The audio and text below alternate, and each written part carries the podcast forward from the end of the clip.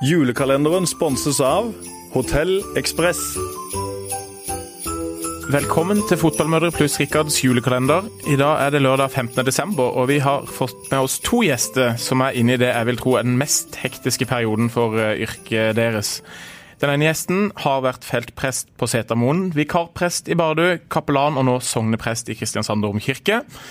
Den andre har òg vært feltprest i fem år, et av de i Kosovo, i tillegg til fengselsprest og universitetsprest, og nå sogneprest i Lund menighet.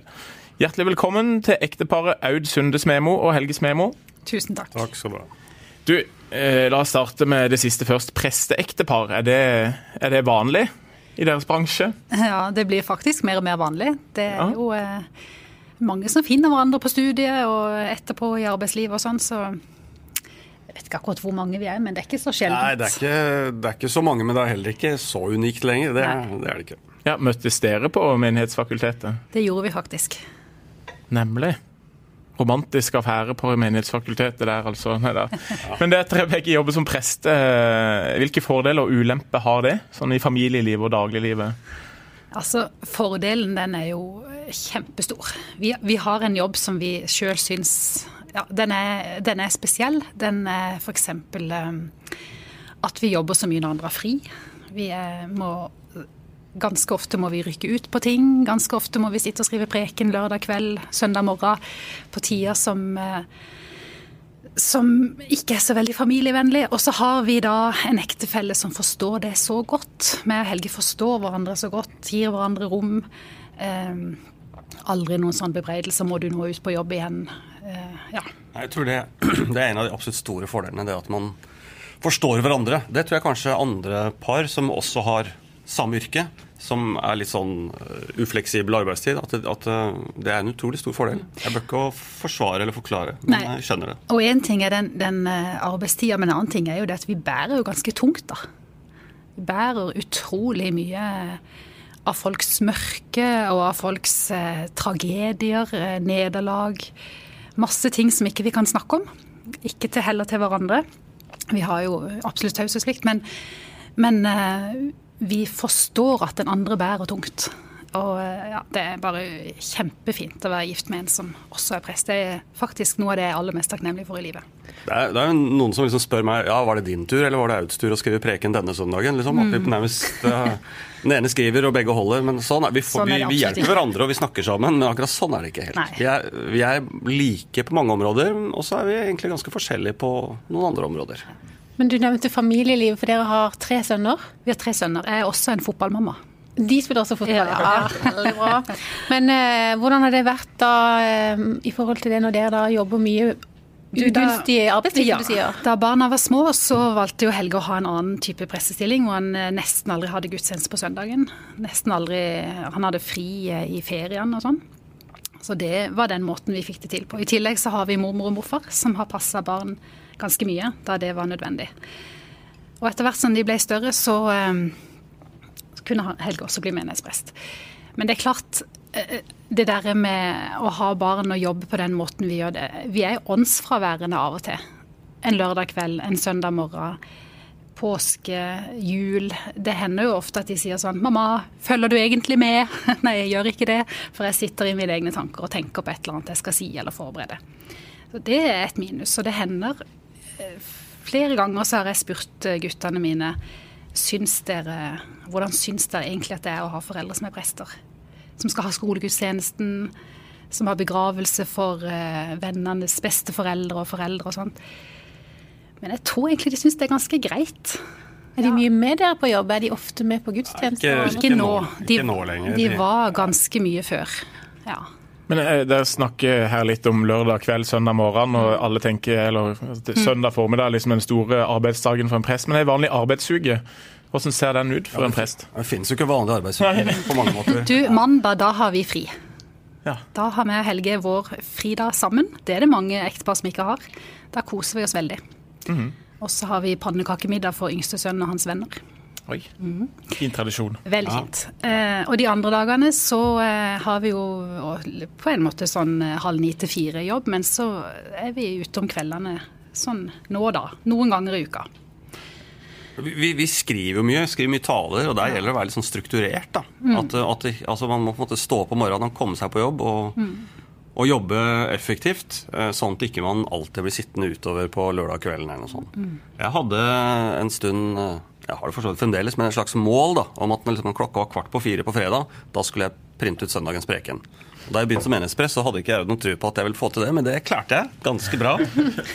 eh, og, og det å være litt strukturert på det tror jeg er viktig, for ellers så går kveldene. Eh, ellers så går kveldene fort. Men ungene er, de er liksom vant, vant til det. De vet ikke om noe annet.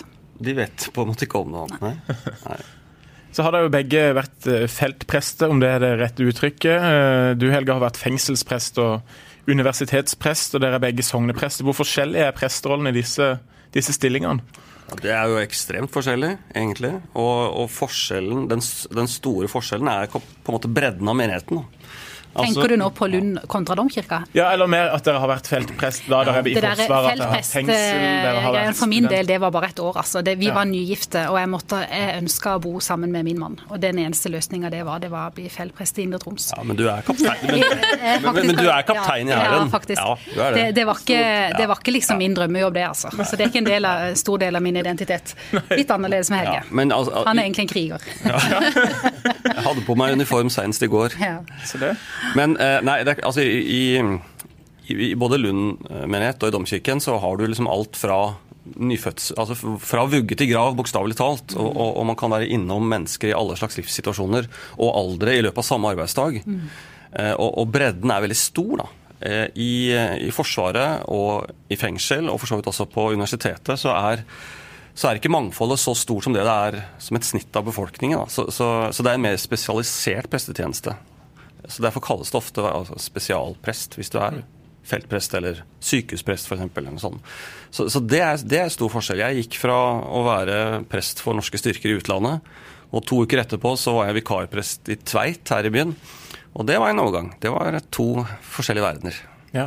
Men så nevnte dere dette med det Lund og domkirka. Er det store Det er også ganske forskjellige menigheter. Vet du, jeg, jeg har jo en jeg har jo en relativt eh, liten menighetskjerne, og så er det veldig mange som kommer til oss som kommer fra andre steder i byen, andre, andre kommuner, eh, turister. Eh, Så vi, jeg har ikke en sånn menighet som jeg kjenner veldig godt. Noen kjenner jeg veldig godt, mens mange folk har jeg aldri sett før og kommer aldri tilbake igjen. Og de er på gjennomreise, eller de har lyst til å gå i domkirka en gang, eller de går da kanskje en periode i livet. Eh, Når, av forskjellige grunner. Så, mens Helge har en mer fast menighet. Og så har jeg veldig få. Du vet når vi, eh, vi har fire konfirmanter, eller seks, seks i år faktisk. Eh, helt annen befolkning hos oss. Et, et, et barneårskull i domkirken kan være som jeg sier, 6, 8, 10. Mm. Et årskull i, i Lund kan være 60, 70, 80. Så, så, så den demografien er jo veldig forskjellig. Ja, jeg var i konfirmasjon i domkirka for noen få år siden, og Ja. da husker jeg nettopp det. Jeg tror de var seks stykker. Ja, det er en Det, ble, det var veldig fint, for du, du så jo alle, Ja. istedenfor at det bare var en hel gjeng. Men det var kanskje hele kullet. Altså alle Ja. som Ja. mulige kunne vært konfirmanter et år, det året. Kveld. Ja. Og så har jo vi også ansvar for disse store nasjonale begivenhetene, eller når det skjer katastrofer og sånn, så har vi et helt annet ansvar for å markere det. Mm. Enn det lokalmenigheter har. Så vi har en helt annen profil. Men likheten mellom Lund og domkirken er jo at de har to glitrende sogneprester. Ja. Men, men det å bli prest, er det noe som dere har eh, visst hele livet, eller ønska hele livet, eller om dere har hatt et kall til å bli det? Eller er det noe som har kommet etter hvert? Dere skulle bli noe annet når dere var små eller yngre? Og så har... Altså, jeg begynte å studere teologi fordi at jeg hadde lyst til å bruke det til et eller annet. Og så etter hvert så men etter hvert i studiet så fant jeg ut at dette er jo bare fantastisk spennende. Så dette tror jeg faktisk at jeg passer til. Og det var mitt kall. Ja. Ja. En sånn glede over å få lov til å holde på med dette. Ja, jeg tror min historie er egentlig ganske lik. Eh, altså, jeg vokste opp i det man kaller en kristen heim, da, men liksom tatt selvstendige valg oppover i tenårene. Og, og var med i sammenhenger hvor jeg fikk litt lederansvar, begynte å holde litt andakter. Jeg skulle gjerne likt å lese de i dag, åssen de egentlig var, men jeg fikk i hvert fall tillit og fikk prøvd seg, og så vokste det fram så egentlig ganske naturlig. Så kom jeg fra en familie hvor vi har hatt prester i familien i generasjoner bakover, så det var det falt oss ganske naturlig, tror jeg, også for, for oss begge, men på litt forskjellige måter. Ja. Men du, vi inviterte dere jo hit for å snakke litt om jul. Ja. Og um, det sies jo at det er vel eh, fremdeles veldig mange flere folk som går i kirka på julaften enn kanskje en vanlig søndag. Definitivt. Ja, har, den, har, de, har liksom denne statusen til kirka på julaften holdt seg? Er det fremdeles sånn at da er det fullt hus? Ja, og faktisk så Det er mulig at hvis en ser sånn helt på statistikken på landsbasis at det synker litt, men, men eh, det store bildet er jo at eh, det, julaften er den store kirkedagen. Julaften har jo også tatt første juledag. Før var jo første juledag den store dagen, mens noen gikk på gudstjeneste julaften. Nå er julaften den store, store dagen. I domkirka så er vi to fulle kirker. Altså vi kan være 1800 mennesker til sammen. Det er ikke så lenge siden at dere hadde én gudstjeneste på julaften. Nei, Måtte øke til to. Måtte øke til to. Ja. Og Lund nå. I Lund har vi to, og de er godt besøkt begge to. Er omtrent, omtrent de samme tallene fra år til år. Vi kan merke det, altså Hvis det er veldig veldig dårlig vær, hvis det plaskregner, da er det kanskje litt færre enn det det var kanskje året før. Ja. Men, men kirken på julaften, det tror jeg folk opplever for så vidt hyggelig og en tradisjon, og sånn, men jeg tror folk opplever det relevant også. Altså At det er en stemme inn i dagens samfunn som har et budskap å komme med som, som treffer noe hos folk. For det er ingen som tvinger dem til å komme i kirken på julaften. Det er noe folk ønsker, og det syns jeg er flott. Ja, og I denne førjulstida er det jo litt sånn Du kan få inntrykk av at det det dreier seg om, er julegaver. eh, adventskalender Veldig mye og stress, ikke sant? Ja, Ja, ja. julemat og alt det der. der. Ja. Um, er det sånn at folk glemmer litt hva jula egentlig handler om, tror dere? Det tror jeg faktisk. Uh, av og til så undrer jeg meg over at man gidder å stresse så. Det er klart det å kjøpe noen gaver og det å lage noen kaker og sånt, det er jo Det tar sin tid, og det er masse avslutninger og sånt, men, men eh, hvis en vil hvis en vil bli eh, grepet av julebudskapet, da må man gå litt stille. For julebudskapet det er jo veldig skjørt, veldig lite, veldig nyfødt og stille.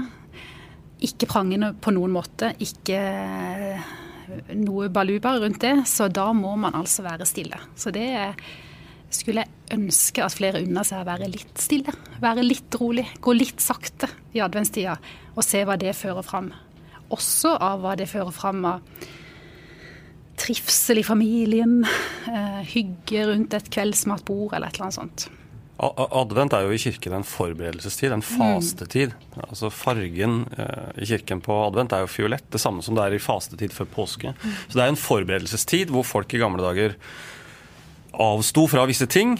Um, for så å, å, å ha den store festen første juledag. Det er jo derfor torsk er tradisjon å spise på julaften, for det er jo den siste dagen i fasten. Og fisk er jo fastemat.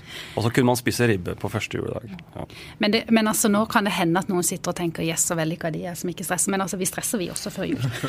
Ja, det høres jo ganske stress ut hvis jeg har to, et, det er et kontrollert, kontrollert Et stress. kontrollert stress. to julegudstjenester hver på julaften. altså, på julaften. det er en kjempetravel dag. Ja.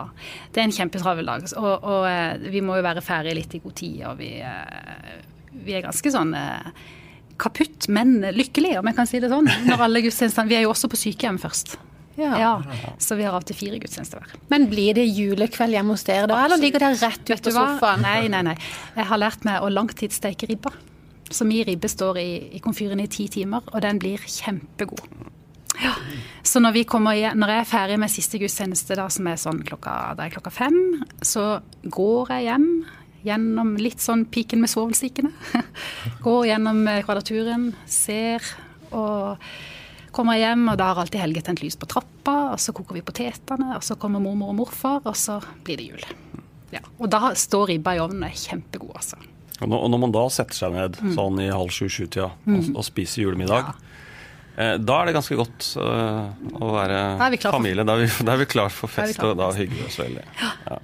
Men på, I julegudstjenesten, da, når det, dere vet at kirkene kommer til å være smekkfulle Julebudskapet er jo eh, det samme hvert år. Det er, Bruker dere samme tale, eller er dette noe dere forbereder dere veldig?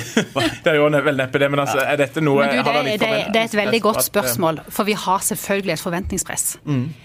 og vi kjenner på forventningspresset. Og, og eh, det å, å Altså, vi vil gjerne levere, for å si det sånn. Og det er umulig å gi en veldig, veldig ny preken hver eneste julaften. Og det er jo heller ikke det folk vil ha. Nei. Men, men juleevangeliet er ganske radikalt. Ikke vel? Et lite barn født inn i inn i, eh, inn i en verden hvor det var venta noe helt annet, av en som skulle være frelser, for å si det sånn. Det, det er et radikalt budskap. Det kaller til en eh, Altså, det utfordrer oss veldig. Så det å klare å utfordre litt og berøre litt, det er jo noe virkelig, virkelig vi ønsker. Ja. Eh, ja. Vi må bare si tusen takk for at dere ville komme og være gjest i denne julekalenderen. Og ønske dere en riktig god jul. God jul til dere også, og til alle som hører på.